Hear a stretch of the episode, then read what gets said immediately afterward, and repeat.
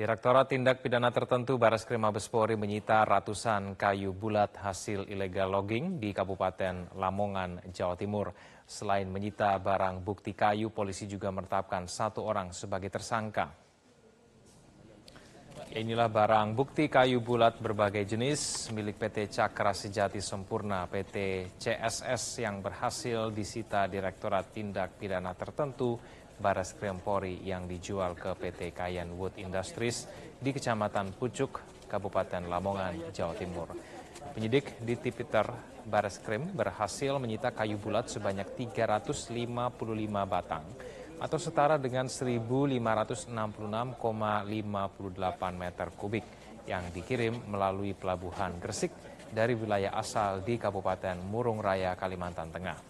Setelah mengamankan ratusan batang kayu, polisi juga telah menetapkan satu tersangka berinisial J yang merupakan surveyor PT CSS yang telah memberikan perintah untuk melakukan penebangan kayu di luar wilayah konsesi.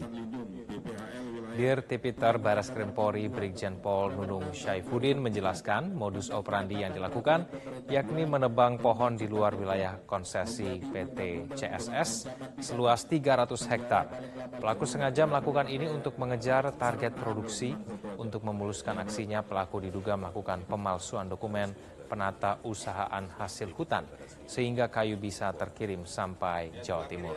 Polisi akan terus mengembangkan kasus ini sebagai bagian dari upaya menegakkan hukum tindak pidana yang menyebabkan kerusakan hutan.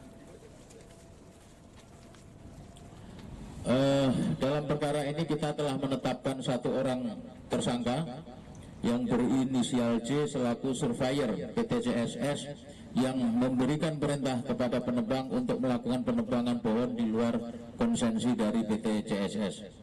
Namun demikian, tidak menutup kemungkinan kita akan kembangkan kepada tersangka-tersangka yang lainnya.